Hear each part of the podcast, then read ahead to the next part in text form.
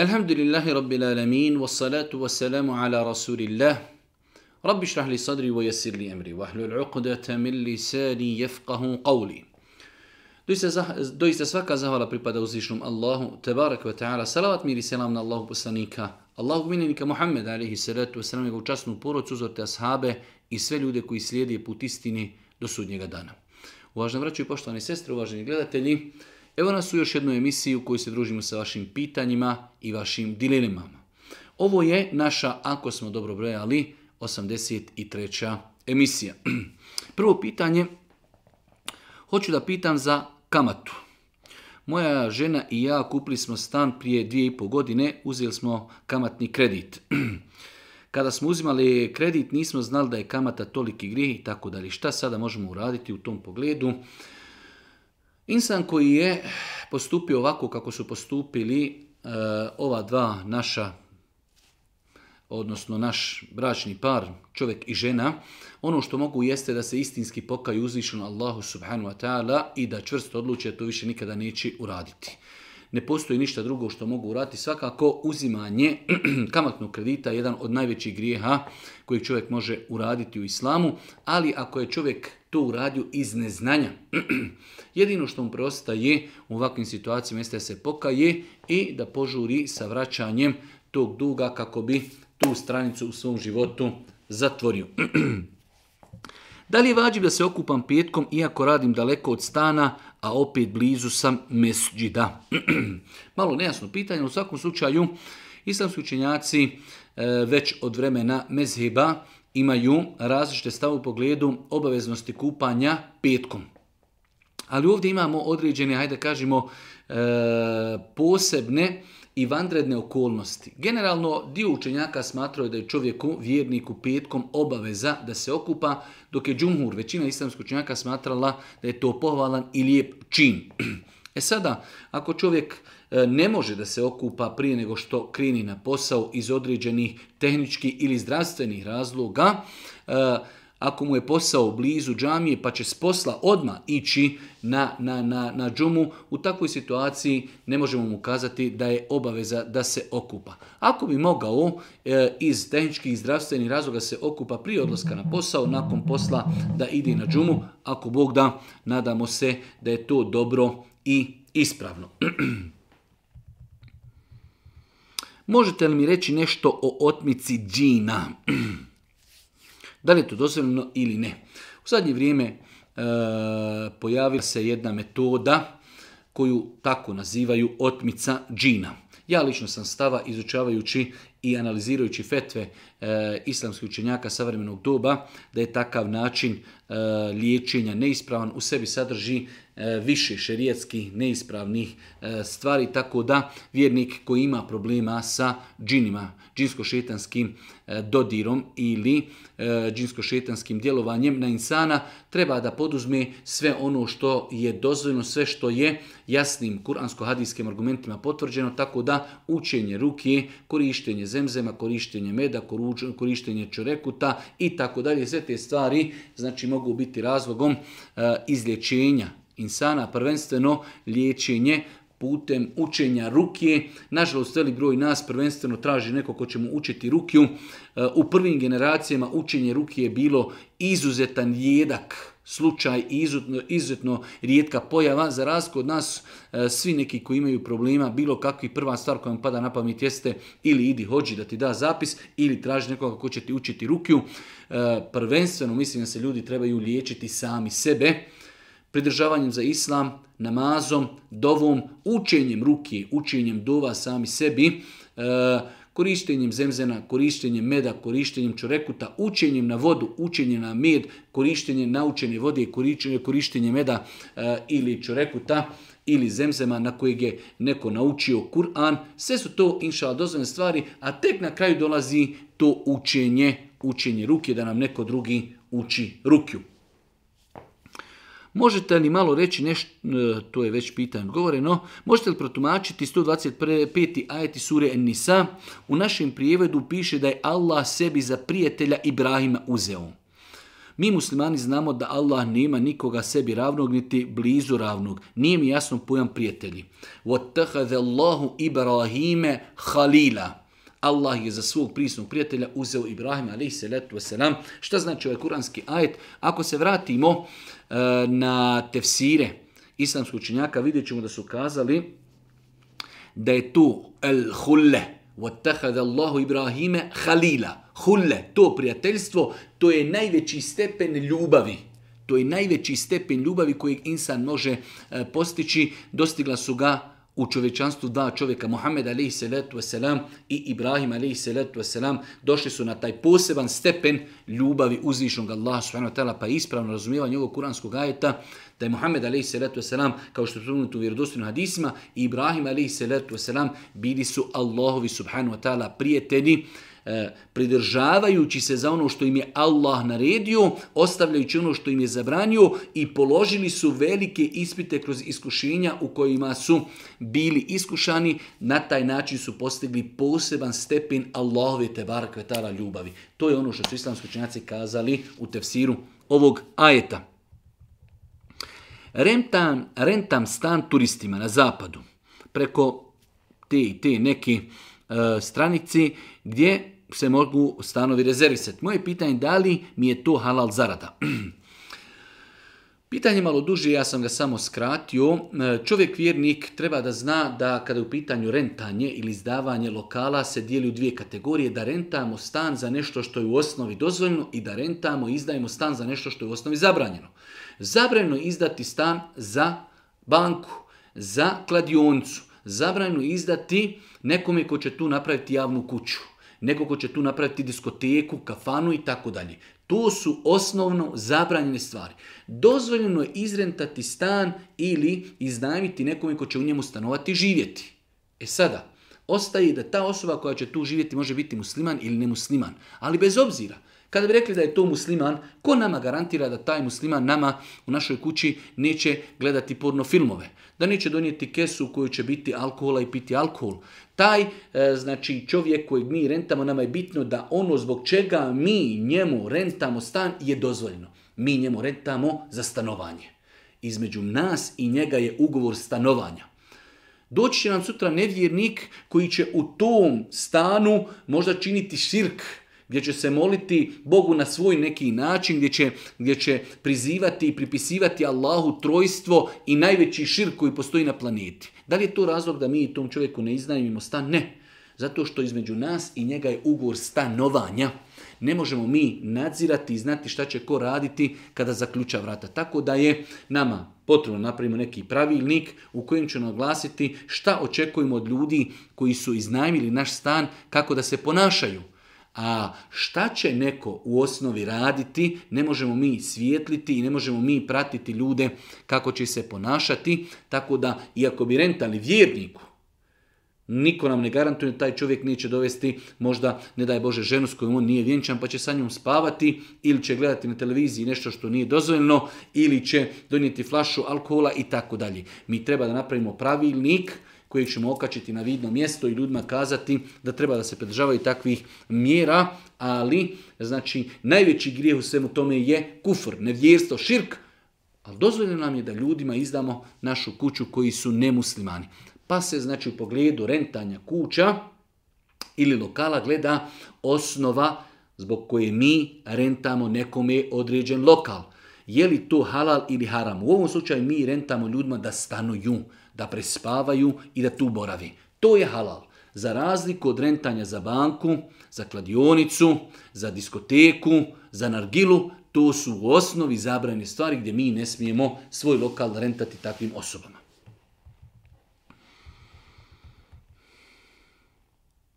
Jedno pravo duže pitanje, evo počet ćemo ga samo čitati, imam malo duže pitanje veze za moju zaradu e, koje, me je nedavno počelo mučiti i stvarati ogroman pritisak e, i grižnju savjesti. U pitanju je poslovanje firmi gdje ja radim kao programir. Konkretno firma se bavi proizvodnjom e, mjernih uređaja u automobilskoj i železničkoj industriji pri proizvodnji šina za pruge. Ja u ovom poslovanju ništa sporno ne vidim. Problem je u konzorcijumu. Konzorcijum u čim vlasništvu se nalazi firma jer oni imaju mnoge druge firme i tako dalje. Znači čovjek radi halal posao i njegova firma u osnovi proizvodi halal proizvode ali vlasnici, vlasnici ili e, da kažemo ekipa ili ne znam nija kako da se izrazimo, e, oni koji vode taj posao imaju druge firme, imaju druge poslove koji su možda šerijetski sporni. Da li je nama dozvoljeno raditi takvim, u takvim poslovima? I kako da. Nama je bitno da radimo u firmi čiji proizvodi su halal i naš, i naš posao je kod njih halal. Zamislite da imamo čovjeka koji je bogat i on ima kafanu, a ima pekaru. Mi radimo kod njega u pekari. On ima kafanu, ali to nama nema nikakve vezi. To što on ima kafanu gdje se toči alkohol, gdje ima muzika, a mi radimo kod njega u pekari naša saradnja sa njim je halal i dozvoljena. Tako da u ovakvim znači, situacijama kada imamo, e, da li su to privatnici, ljudi, e, znači ili su to e, određene korporacije koji posjeduju više različitih djelatnosti, mi sa njima radimo onome što je halal i dozvoljeno, u firmi koja proizvodi halal i dozvoljene proizvode, mi ako Bog da, naša, hala, naša zarada je u takvom slučaju halal. Mogu li klanjati ako je ostalo 15 minuta do nastupanja akša? Mogu li klanjati u takvoj situaciji kindiju? Ne mogu li, mora se. Znači 15 minuta je više nego dovoljno se klanja eh, i kindija prije zalaska sunca. Ako je čovjek bio na poslu, došao je 15 minuta prije zalaska sunca u kuću, abdesti će i klanjati i kindiju prije nego što nastupi akšamsko vrijeme, to mu je obave. Ne mogu li, to mu je obaveza, jer Boži poslanik kaže ko stigne klanjati jedan rekjat i kindije prije zalaska sunca, stigao je klanjati i kindiju. Pa je obaveza klanjati i kindiju, jer izostavljanje i kindije je jedan od najvećih grijeha u islamu Boži poslanik kazao ko izostavi ikindiju propala su mu dobra djela. Tako da e, svakako da ne neispravno je postaviti pitanje da li mogu. Obaveza je, mora se, ako Bog da, svakako treba postaviti pitanje da li mogu, ali odgovor obaveza je klanjati u takvim situacijama. S obzirom da je aktualna tema o starici koju je tuklo osoblje doma, pročitala sam mnoge komentare u kojima ljudi osuđuju čirku i tako dalje. Pitanje je u islamu da li je čovjeku dozvoljeno da svoje roditelje e, da i ostavi u starački dom.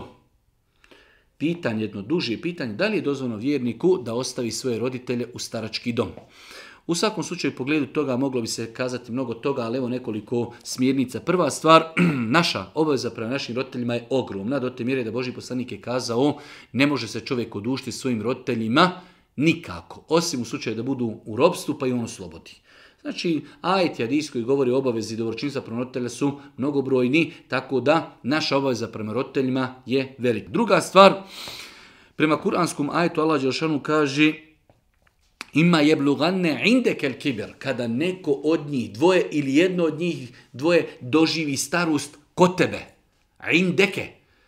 Ima jebluganne indekel kibera. Ako oni kod tebe doživi starost. Znači, starost rotilja treba da bude kod njihove djeci.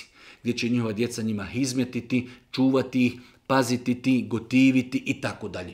To su veliki principi Islama. Ako postoji potreba, kao što se zna desiti u slučajevima kada jednostavno dijete radi, ima velike troškove, ima dosta djeci, velike su dađbine, radi sin, radi e, znači njegova supruga ili radi čerka. Pa su djeca zauzeta zato što živimo u takvom e, znači ambijentu. Prije davanja roditelja u staračke domove, ako to njima više odgovara, trebalo bi se potruditi, znači uz njegovu saglasnost, E, i pomoć materijalnu da im se obezbijedi neko ko će njih izmetiti, biti uz njih u njihovoj kući. Većina roditelja bi više voljela da ostane u svojoj kući, jednostavno to je njihov ambijent, tu se ljepše osjećaju, tu i mogu doći unučadi, djeca, prijatelji, poznanici, pa da im se nađe neko ko će uz njih biti. Ako ta opcija nije prihvatljiva, ako je stan velik, ako nema nikoga, ako i znači postoje doista određene situacije kada i sami roditelji ne prihvataju takvu opciju, e, ne vidim u, na kraju krajeva ništa sporno da se roditelji daju u starački dom. Svakako, da se ostani sa njima u kontaktu, da se obilazi, da im se dolazi, da se povremeno uzmu kući, da im se dovedu unučadi, da se s njima povremeno razgovara. E, pogotovo ako su ozbiljne institucije u tim staračkim domama mogu imati određene e, privilegije koje neće imati ni kod kući, od kojih je e, medicinski nadzor, tablete, pregledi, kupanje, češljanje, izrana i, i tako dalje. Možda u takvim institucijama će imati hranu kakvu ne bi imali kod kući možda će imati medicinski nadzor kakav ne bi imali kod kući i tako dalje. Tako da e, ne vidim ništa sporno u tome ako djeca doista su u lijepim odnosima sa roditeljima, razgovarali su sa njima, roditelji razumiju situaciju, vide da djeca ne mogu odvojiti svoje vrijeme, jednostavno nametnut je takav sistem života, prihvataju da budu u staračkom domu, djeca ostaju sa njima u kontaktu svakodnevno, obilaze i donose poklone, paze, pitaju, e, znači kakvi su uvjeti u tom e, staračkom domu, e, gledaju, analiziraju, studiraju.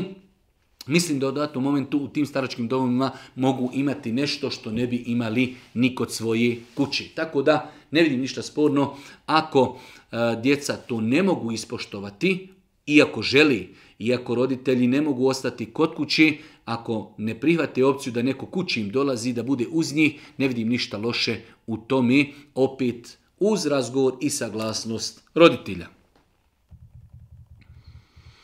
Poštovani, ima li smetnje da slika na kojoj se je ispisana sura en nas na arapskom bude na zidu u spavačoj sobi, iznad kreveta i tako dalje? E, dva su ovdje pitanja. Prvo, da li je u islamu uopće dozvoljeno e, vješati po zidovima leuhe ili slike ili e, neke druge rukotvorne na kojima imaju kuranski ajeti. Ti učenjaka je smatrao da to ne treba raditi, čak da je to zabranjeno.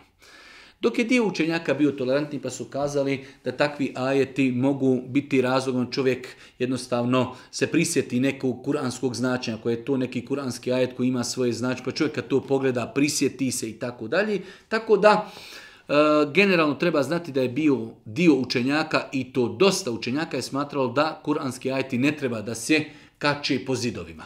Ali ako prihvatili stav e, oni učenjaka koji su kazali da je to dozvoljeno, ne vidim ništa sporno u tome da ti kuranski ajeti budu u dnevnom boravku, da budu u spavačoj sobi, da budu znači negdje u biblioteci. Ako prihvatimo dokaz da je to dozvoljeno, ne vidim onda ništa sporno, kao što smo nedavno odgovarali, da li u spavačoj sobi, e, na komodi, na stoliću ili negdje drugo, odvojeno od e, znači kreveta bračnog, može da bude mushaf, pa smo rekli da može, isto je i takvu, nema nikakav problem ako prihvatimo dokaz i stav da se kuranski ajeti mogu stavljati e, po kući na zidovima, ne vidimo onda ništa sporno da to bude i u spavačoj sobi.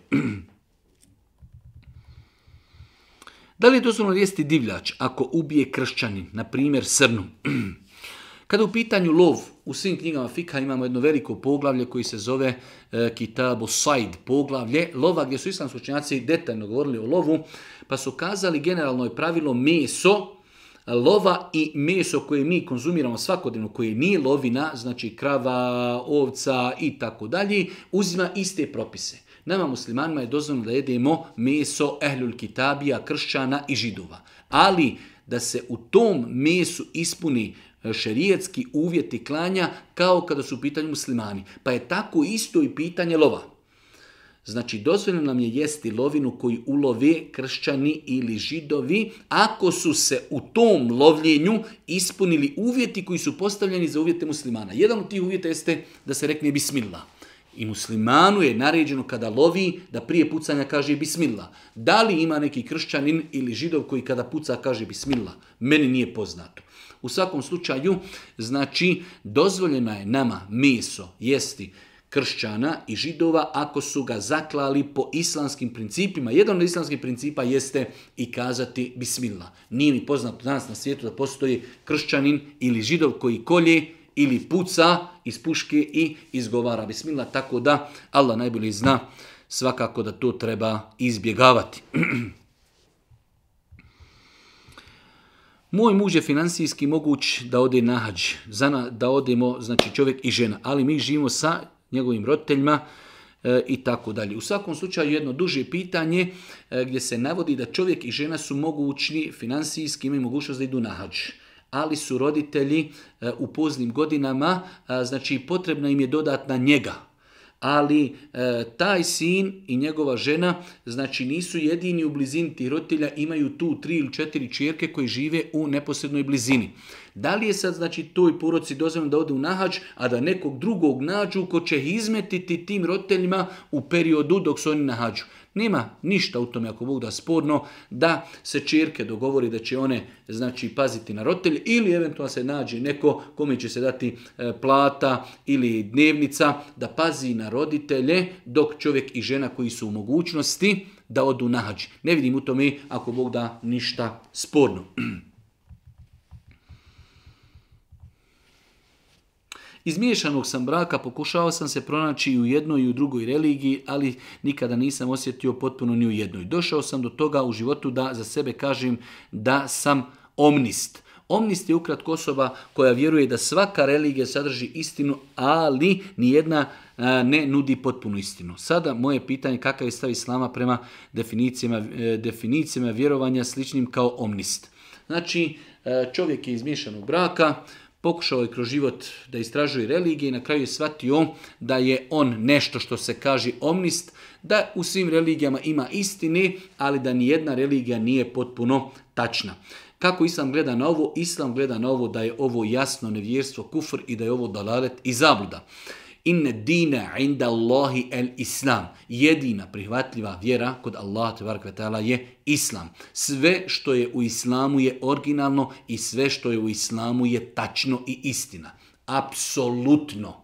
Znači, mi ne negiramo da u prethodnim religijama i njihovim objavama ima dio istine, ali su njihove knjige izopačene, izokrenute, izvrnute, tako da više ne znamo šta je istina, šta nije. Dolaskom Muhammeda, alihi salatu wasalam, sve prijedhodne religije i nebeske objavljene knjige su derogirane, dokinute. Tako da, e, znači, e, ovakav pristup islamu, s aspekta islama smatra se nevjerstvo. U islam se ulazi, vjeruje se, vjeruje se u Allaha, vjeruje se u Muhammeda, vjeruje se u Kur'an i vjeruje se da je Kur'an apsolutna istina. Tako da, ovakav pristup, znači, e, islam tretira nevjerstvom.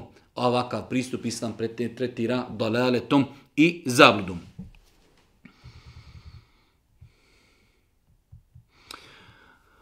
Da li je haram raditi u bankama? Ja imam srednju školu ekonomskog smjera i tako dalje. Da li mogu raditi u banci? E, raditi u banci bilo kakav posao je vid podržavanja banki. Vid podržavanja kamatnog sistema, bez obzira da li čovjek bio čuvar, da li bio čistač, da li radio u financijama, da li radio na e, da li da radi negdje na šalteru i tako dalje, sve je to potpomaganje kamatnog sistema, tako da vjernik bi trebao da izbjegava takav posao.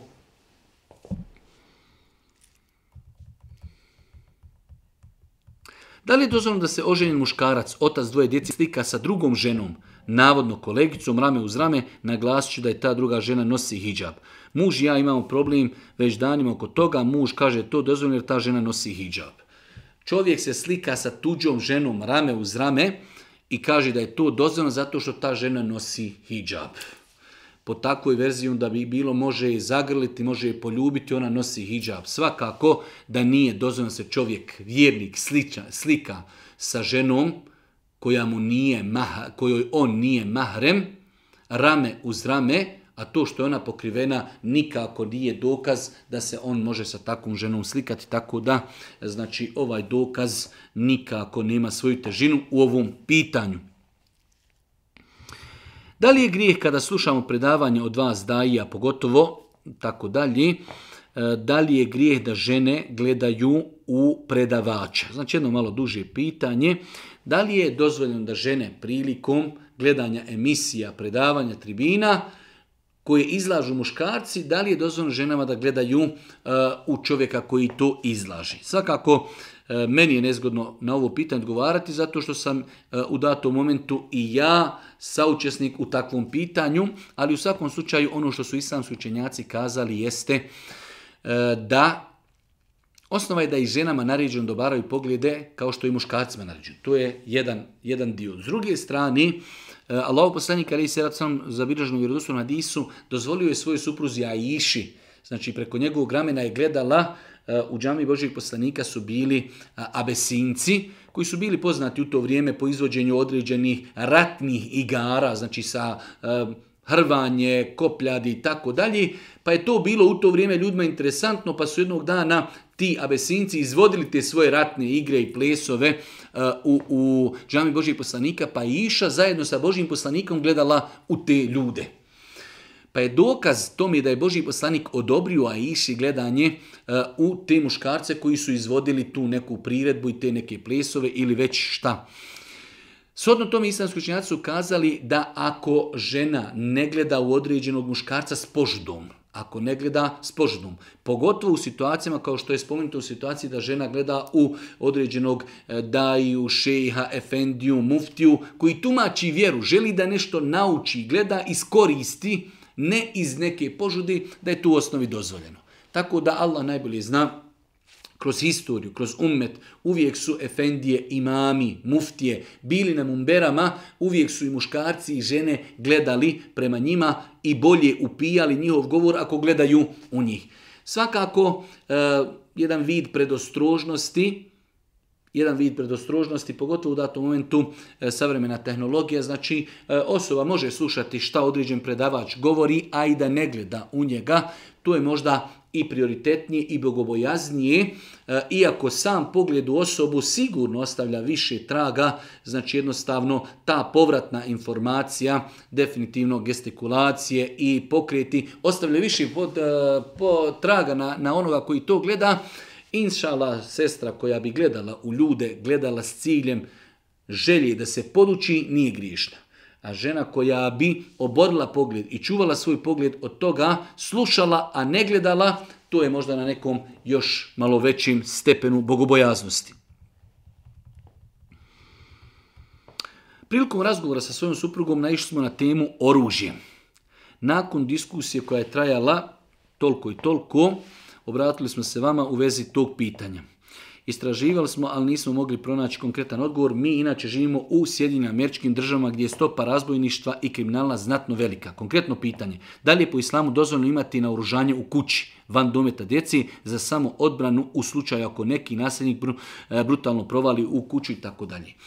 Znači, pitanje iz Amerike, e, bračni par pita da li je dozvoljeno da musliman posjeduje oružje u situacijama znači gdje je u državama opće poznato e, rasprostranjena je kriminal, napadi, da li čovjek ima pravo e, i s aspekta islama da posjeduje oružje? Apsolutno da. Apsolutno da. Znači nema ništa sporno u tome da čovjek ima oružje, samo da to oružje bude e, sa dozvolom, da čovjek zna ispravno rukovati i kao što je spomenuto u pitanju da to oružje bude e, znači na mjestu sklonjeno na način da djeca nemaju pristup kako ne daj Bože ne bi došlo do neispravnog korištenja i možda ne daj Bože samoranjavanja i tako dalje. Tako da s aspekta islama pogotovo u državama gdje se može na regularan zakonski način posjedovati oružje, nema ništa sporno u tome da čovjek e, posjeduje oružje, da se poduči kako se koristi oružje, da ne daj Bože ne bi na neispravan način e, ugrozio sigurnost svoje supruge i svoje djeci. Svakako e, da znači e, prilikom korištenja oružja, odnosno ostavljanja e, uskladištenja oružja u kući, da to bude na mjestu e, gdje neće moći dohvatiti djeca, da jednostavno, ne daj Bože, to ne bi e, uzrokovalo određeni neželjeni posljedice, ali sam čin da čovjek posjeduje oružje, pogotovo ako postoji potreba kao što je naglašeno ovdje u ovom pitanju, e, gdje nerijetko se dešava znači e, kriminalne radnje, napadi i tako dalje, nema nikakve smetnje da insan ima oružje e, koje može koristiti prilikom znači samo odbrani, svakako da je inšala vizina dozvoljeno.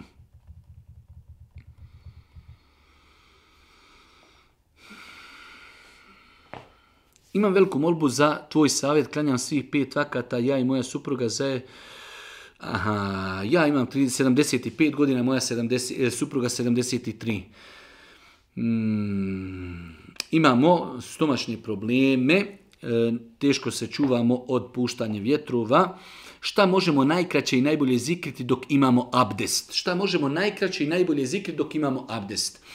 E, smatram da ovo pitanje, znači treba na njega odgovoriti na način da se pojasni ljudima da nije uvjet da čovjek bude pod abdestom da bi zikriju spominjao Allah te Znači, e, uvjet validnosti namaze da budemo pod abdestom. Mi dok predamo selam, eselamu alaikum, rahmatullah, eselamu alaikum, rahmatullah, znači to je ono što je nama bila obaveza, imamo abdest. Nakon toga ako izgubimo abdest, e, na bilo koji način gubljenja abdesta, mi možemo zikriti, učiti Kur'an, možemo doviti sve bez abdesta. Pa čak žena u mjesečnici, može dobiti, može zikriti, može učiti Kur'an na pamet. Tako da, znači, e, nema potrebe da se čovjek opterećuje ako ima problema sa stomakom, ako ima problema sa e, vjetrovima, nema problema, znači ono je bitno da čovjek klanja namaz, pod abdestom, nakon toga može zikriti, može učiti Kur'an, može doviti sve bez abdesta.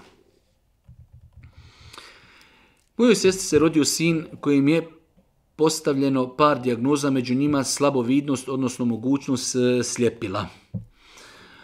Da li mu je dozvoljno uzeti psa koji je školovan za slijepe i tako dalje? U svakom slučaju pitanje e,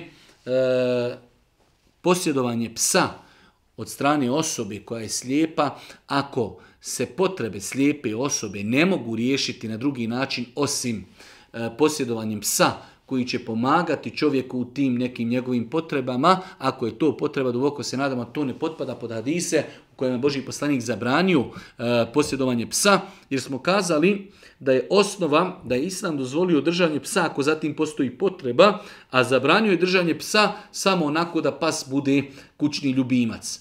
Pa su čak islamski učenjaci iz hadisa u kojem je Boži poslanik dozvolio držanje psa, one tri situacije, pridodali su situaciju da pas čuva kuću ako zatim postoji potreba, iako to nije spomenuto u hadisma. Tako i ova situacija, ako doista slijepa osoba ima potrebu za psom.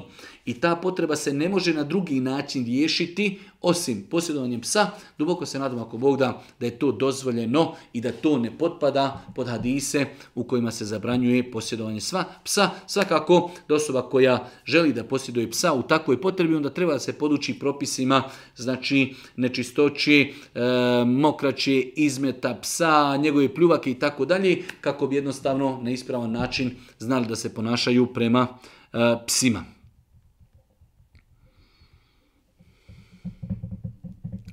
Da li se kosi sa našom vjerom da kada je godišnjica braka mom mužu i meni jedno drugome na neki način e, jedno drugom čestitamo? Da li to ima veze i da li je nama haram što nas dvoje između sebe pridajemo pažnju datumu kada smo se vjenčali šerijetski i općinski? Velika većina savremenih učenjaka smatrala je to novotarijom i nisu smatrali dozvoljeno da čovjek na bilo koji način obilježava godišnjicu braka. E, ja lično duboko sam uvjeren da čovjek ako bi samo e, znači spomenuo to svojoj supruzi, kazao, eto, mašala, već 20 godina smo u braku, pa možda i kupio supruzi neki poklon, ja ne smijem kazati da je to zabranjeno, ali emaneta radi, obavezam je da kažem da većina islamskih činjaka savrvenog doba smatrala je to novotarijom. Ja zašto ne smatram da je to grijeh iz razloga što se to ne radi iz vjerskih razloga. Ne radi to niko i kaže, e, evo sada ja što sam čestitao supruzi godišnicu braka i možda kupio joj kolač ili otišli zajedno negdje na večeru, nisam ja to radio smatrajući da je to ibadet, kao što se ljudi okupljaju smatrajući da je ibadet organiziranje mevluda. Zato kažemo za mevlud da je novotarija, dok ovo nije vjerska stvar. To je jednostavno obilježavanje nekog datuma koji se desi u našem životu, koji nema nikakve veze sa vjerom. Ali, u svakom slučaju, e, lično opet smatram, iako to nije grijeh, Veliki učenjaci imaju dalekovidnost koju možda mi, mlađi, i ne vidimo i kada oni za određenu stvar kažu da je haram i bolje je poštovati to mišljenje jer ono sigurno je izgrađeno na nekoj dalekovidnosti koju možda mi u našem periodu našeg života možda ne možemo i dokučiti, tako da Generalno je to bolje izbjegavati, ali ako bi insan se prisjetio tog datuma, možda nešto supruzi poklonio, možda sutra ili dan prije ili dan poslije otišao zajedno na neku večeru tim povodom, ja ne bi smio kazati da je to zabranjeno.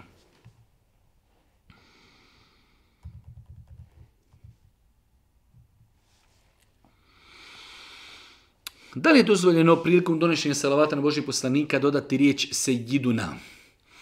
E, donošenje salavata na Božeg poslanika može biti u dvije forme, u smislu da donosimo salavat općenito. Nako vozimo se u autu, sjedimo u kući, donosimo salavate i kažemo Allahumma salli ala Muhammedin wa ala ali Muhammed. Allahumma salli ala sejidina wa nebijina Muhammedin sallallahu alaihi selleme. To nije sporno. Znači da čovjek u općem donošenju salavata doda riječ sejiduna. Sejiduna znači naš e, prvak, najbolji među nama, Muhammed a.s., Gospodar, donesi salavat na našeg prvaka, miljenika Muhammed a.s. salatu. Ali ostaje drugo pitanje, dodavanje ove riječi e, u salavate gdje je salavat ibadet, kao što je namazu. Kada proučimo tahijatu, tada donosimo i salavate. U takvoj situaciji ne treba dodavati ovu riječ zato što nije zabilježena vjerodostojnim hadisima koji govori o načinu donošenja salavata na Božih poslanika.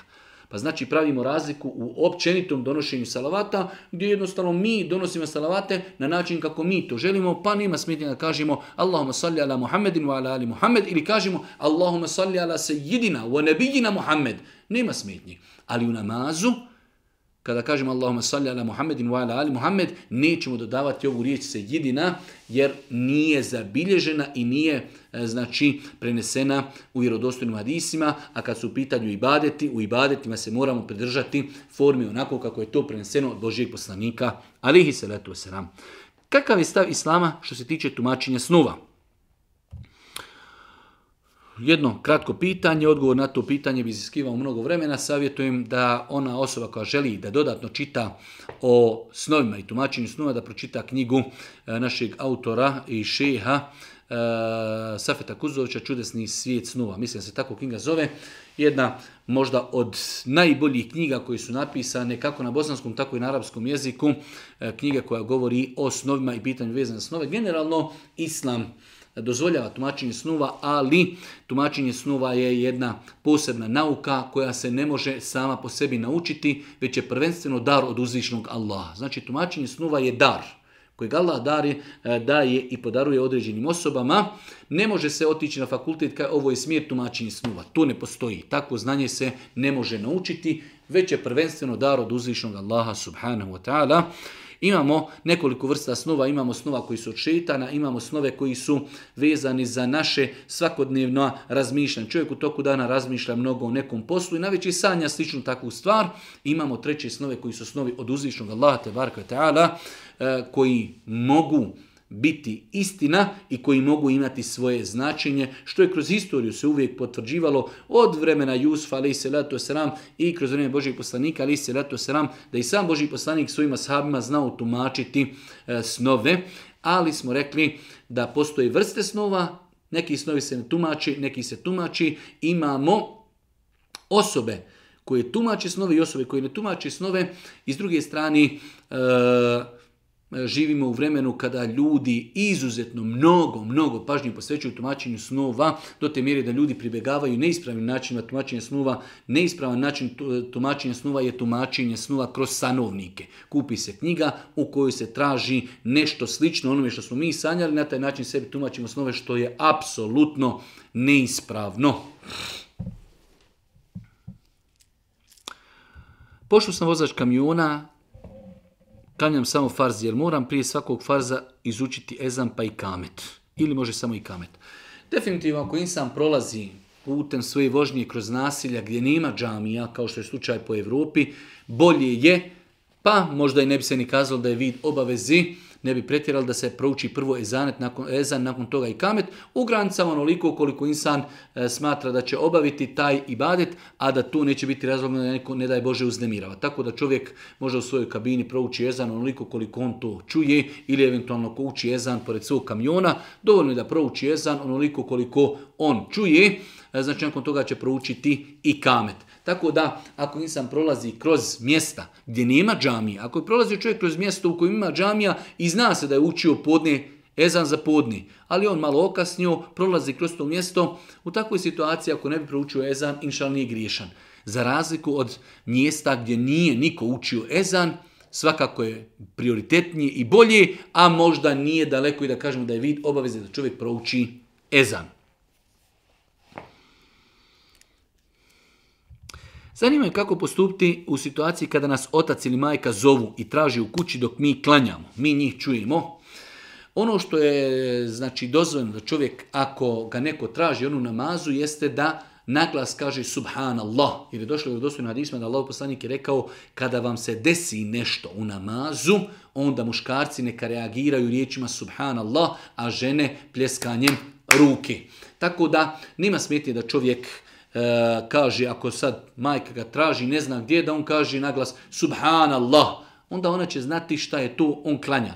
Čak neki učinjaci kao što je Bim Baz rahmetullah ili kazali su da nema smetnje da čovjek i naglas kaže neki zikr koji u namazu prije ako čovjek je na, na ruku pa kaže semi Allahu limen hamide. Znači malo povisi glas da roditelji znaju da dijete trenutno klanja. Tako da to su dva načina kako čovjek može e, nekom je kazati i E, ukazati na to da on trenutno klanja, izgovarajući riječi subhanallah ili neki od zikruva koji trenutno uči u namazu. Jedno malo duže pitanje, znači pitanje Sanđaka, roditelj smo četvoro djece, muž radi u inostranstvu, pa me zanima da li je dozvoljeno da žena udijeli e, neku sadaku, iz muževog imetka, bez znači njegove, njegovog znanja i njegove saglasnosti. Znači, osnova je, kazali smo da muškarac je taj koji obezbjeđuje egzistenciju za članove svoje porodice. Pitanje je sada žena ako ne posjeduje svoj imetak, može li ona davati sadaku iz muževog imetka? Imamo nekoliko stvari koje treba znati eh, u vezi s tim. Prva stvar, ako žena ima svoj lični imetak, može udjeljivati bez da pita svoga muža. To je jedno pitanje. Znači, ako žena ima svoj imetak i želi da udjeli sadaku, može. Drugo je pitanje, ako žena želi da udjeli imetak svoga muža, opet imamo tu nekoliko situacija. Prva stvar, imamo situaciju da je muž dozvolio ženi. Pa joj je dozvolio da, ako vidi potrebu sredno na vrijeme da udjeli neku sadaku, tada joj je definitivno dozvoljeno. Imamo situaciju kada joj je zabranio tada žena ne smije ništa od muževog imetka da udjeljuje. Imamo situaciju kada muž nije ni dozvolio ni zabranio, tada islamski učenjaci kažu da ženi je dozvoljeno da udjeli nešto sitno. Znači, kao što je kod nas jednostavno neka situacija kada naiđe neki prosjak, pa da mu se dadni marka, dvije, da mu se komad ljeba, da mu se da nešto od povrća, voća, neki slatkiš i tako dalje, to je nešto sitno. Znači imamo situaciju ako je muž zabranio, žena ne smije davati, ako je dozvolio, smije davati, ako troši svoj imetak, smije davati, ako muž nije ni zabranio, ni odobrio, onda smije nešto sitno znači i to je, ako Bog da sadaka, i na njeno i na njegovo ime. U narodu je poznato se utorkom ne radi određene stvari kao što je šišanje kose, pranje veša, skraćivanje, bradi i tako dalje. Koliko je to tačno? Apsolutno netačno čisto je utorak, srijeda, četvrtak, nema nikakve vezi, kada će čovjek kratiti nokte, kada će se šišati, kada će prati veš. Dobila sam mnogo savjeta od rodica, komšinica, kako treba da postupam sa djetetom jer sam nedavno postala majka. Neki su savjeti korisni, a neki su praznomiri, što ću vam i nastavku objasniti. Naime, dobila sam sugestiju kako treba u dijete uvijek nositi makaze, nož, šibicu ili upaljač kako bi ga zaštitila od šetana. Znači, dijete nosaš, nosiš uz njega nož, makaze, šibicu i nosiš upaljač.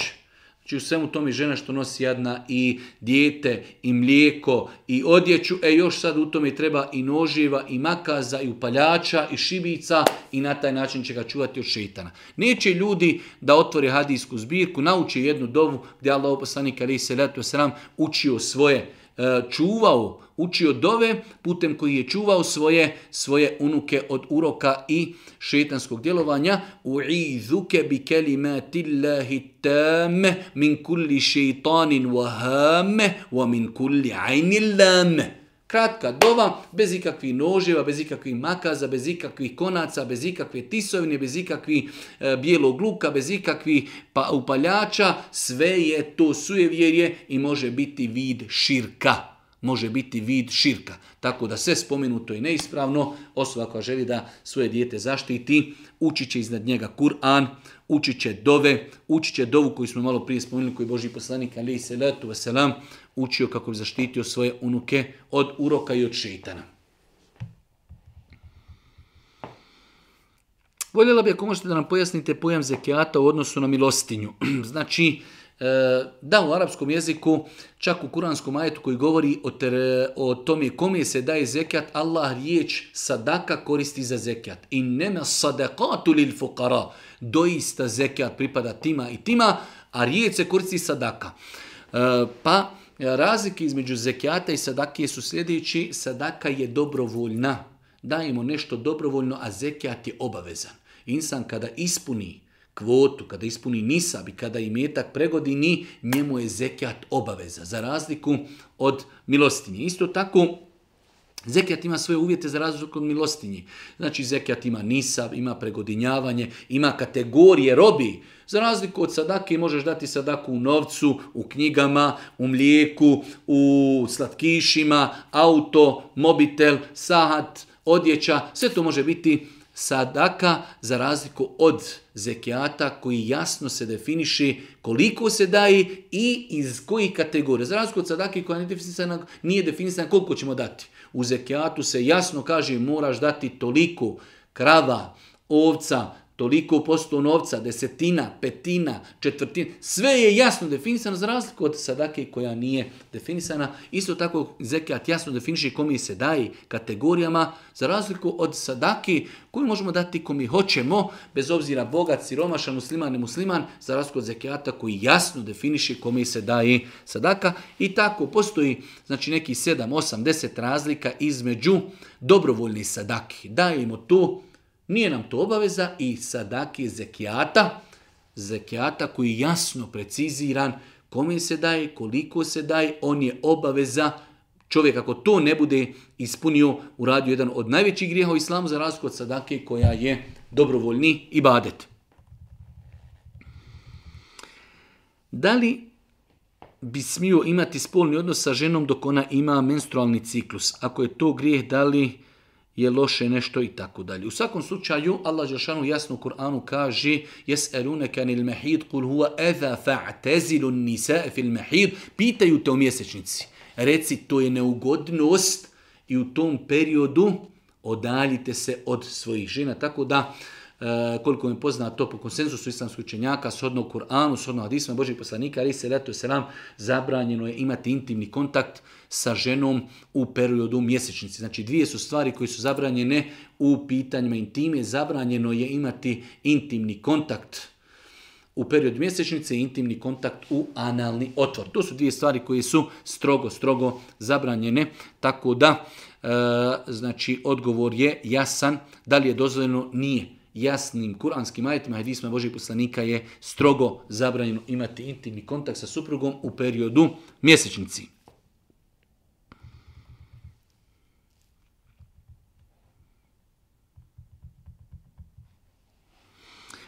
Radim u firmi gdje svi psuju sve, e, sve, ja, svi psuju sve. Ja pokušavam da im objasnim u vezi vjeri, da im, da im koliko toliko približim vjeru, ali oni se i dalje ismijavaju sa vjerom i hvali se kako mogu popiti 15 piva i tako dalje.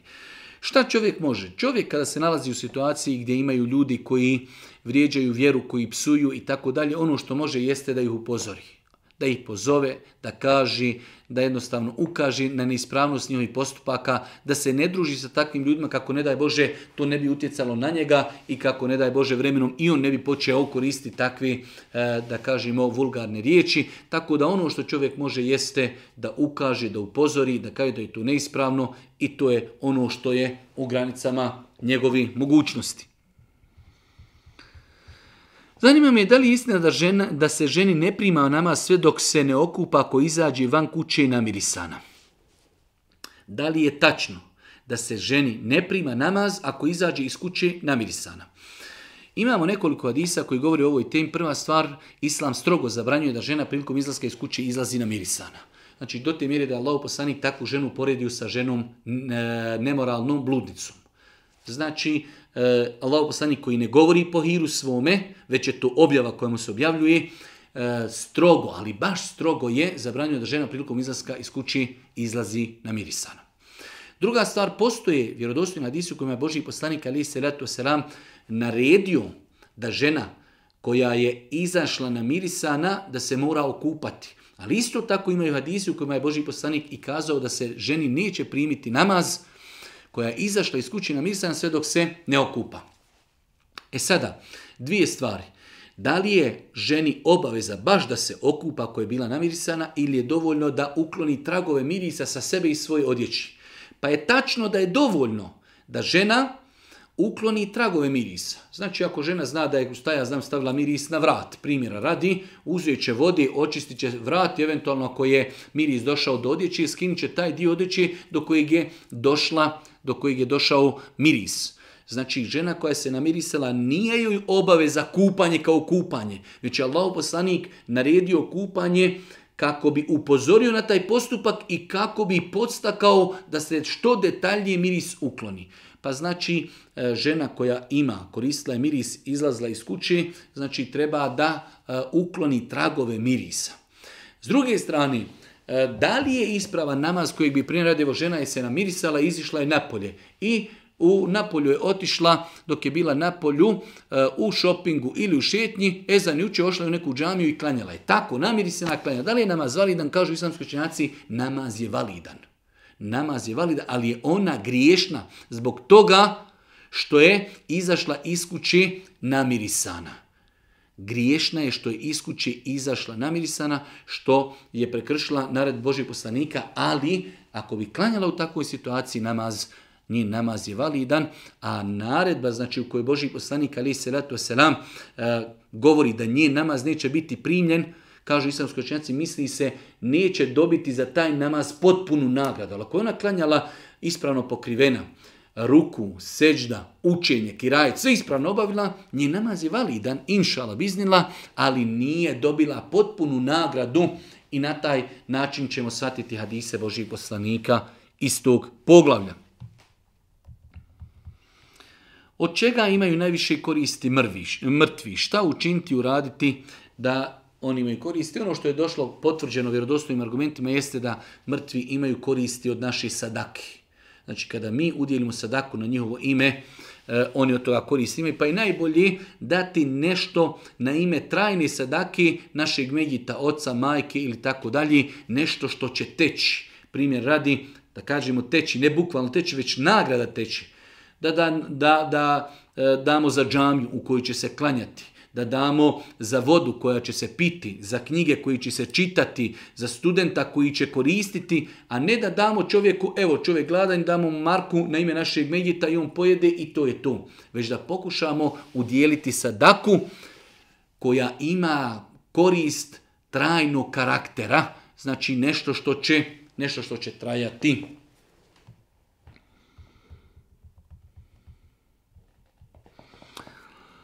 Inače, klanjam redovno svaki farz, namazi, sunneti na file samo u periodu kada trebam dobiti mjesečnicu i možda neki sedmicu dana prije toga se osjećam jako tromo i jako mi je teško da obavljam namaz ili jako sam lijena i tako dalje.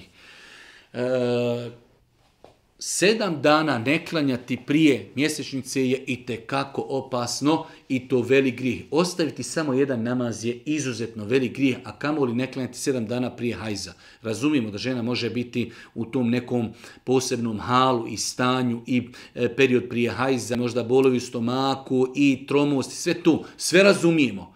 Ali bez obzira, ako ništa, žena će u tom periodu svesti namaze na farze ali žena mora klanjati sve do momenta dok počne krvarenje, a to navodi žena ovdje, kaže imam neki unutarnji glas koji mi govori da ne trebam klanjati. Da, unutarnji glas, šetan, naša duša, naši protjevi, svi oni kažu nemoj klanjati. E baš jeste borba da ih nadjačamo i da klanjamo. Žena znači mora klanjati sve do, do početka mjesečnice, dok počne krvarenje.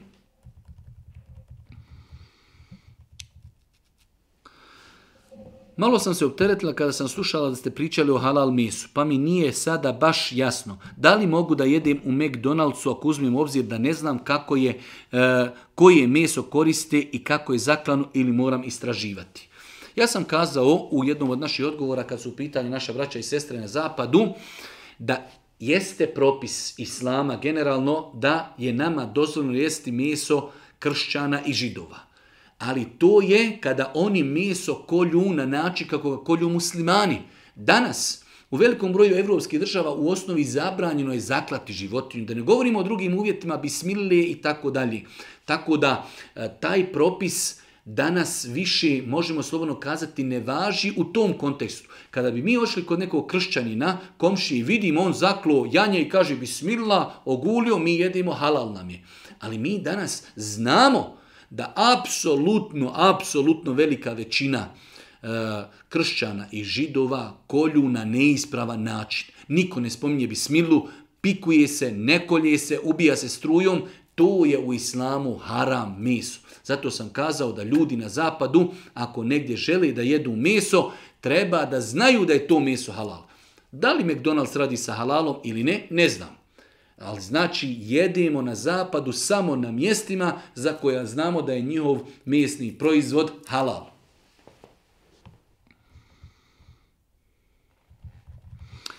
Imam Kur'an, kupio sam sebi sa prijevodom, pošto ne znam arapski jezik, da li je ispravno da čitam samo prijevod? Apsolutno da. Osoba koja ne zna učiti Kur'an na arapskom jeziku, a ima privod Kur'ana i te kako će koristiti svoje vrijeme učeći privod, jer e, prijevod Kur'ana nam pomaže da razumijemo Kur'an. Allah Žešanu kaže Efele je el Kur'an. Zašto oni ne razmisle o Kur'anu?